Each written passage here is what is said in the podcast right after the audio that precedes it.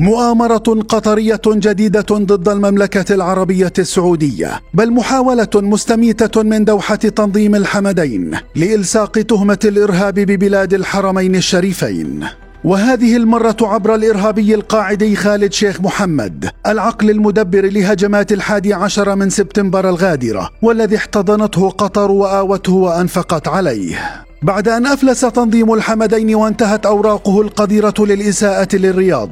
ها هو اليوم يستدعي إرهابيه للإدعاء كذبا وزورا بضلوع قبلة المسلمين في الهجوم الإرهابي الغاشم الذي أودى بحياة الآلاف من الأبرياء.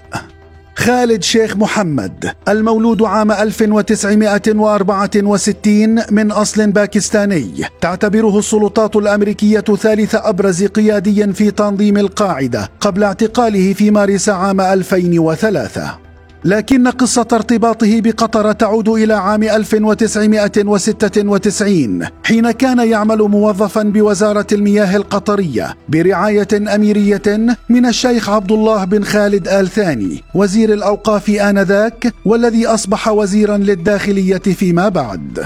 وفي الخامس عشر من مارس عام 2007 اعترف شيخ محمد بمسؤوليته الكاملة عن أحداث الحادي عشر من سبتمبر كما اعترف بالتخطيط لتسع وعشرين عملية إرهابية أخرى. فلماذا لم يتحدث الإرهابي القاعدي عن المملكة العربية السعودية في حينها؟ ولماذا صمت كل هذه السنوات إن كان يملك دليلا؟ ولماذا يثار الحديث بالتزامن مع موسم الحج؟ أسئلة كثيرة والجواب واحد. فلا شك في أن مموليه في الدوحة طالبوه برد الجميل الآن.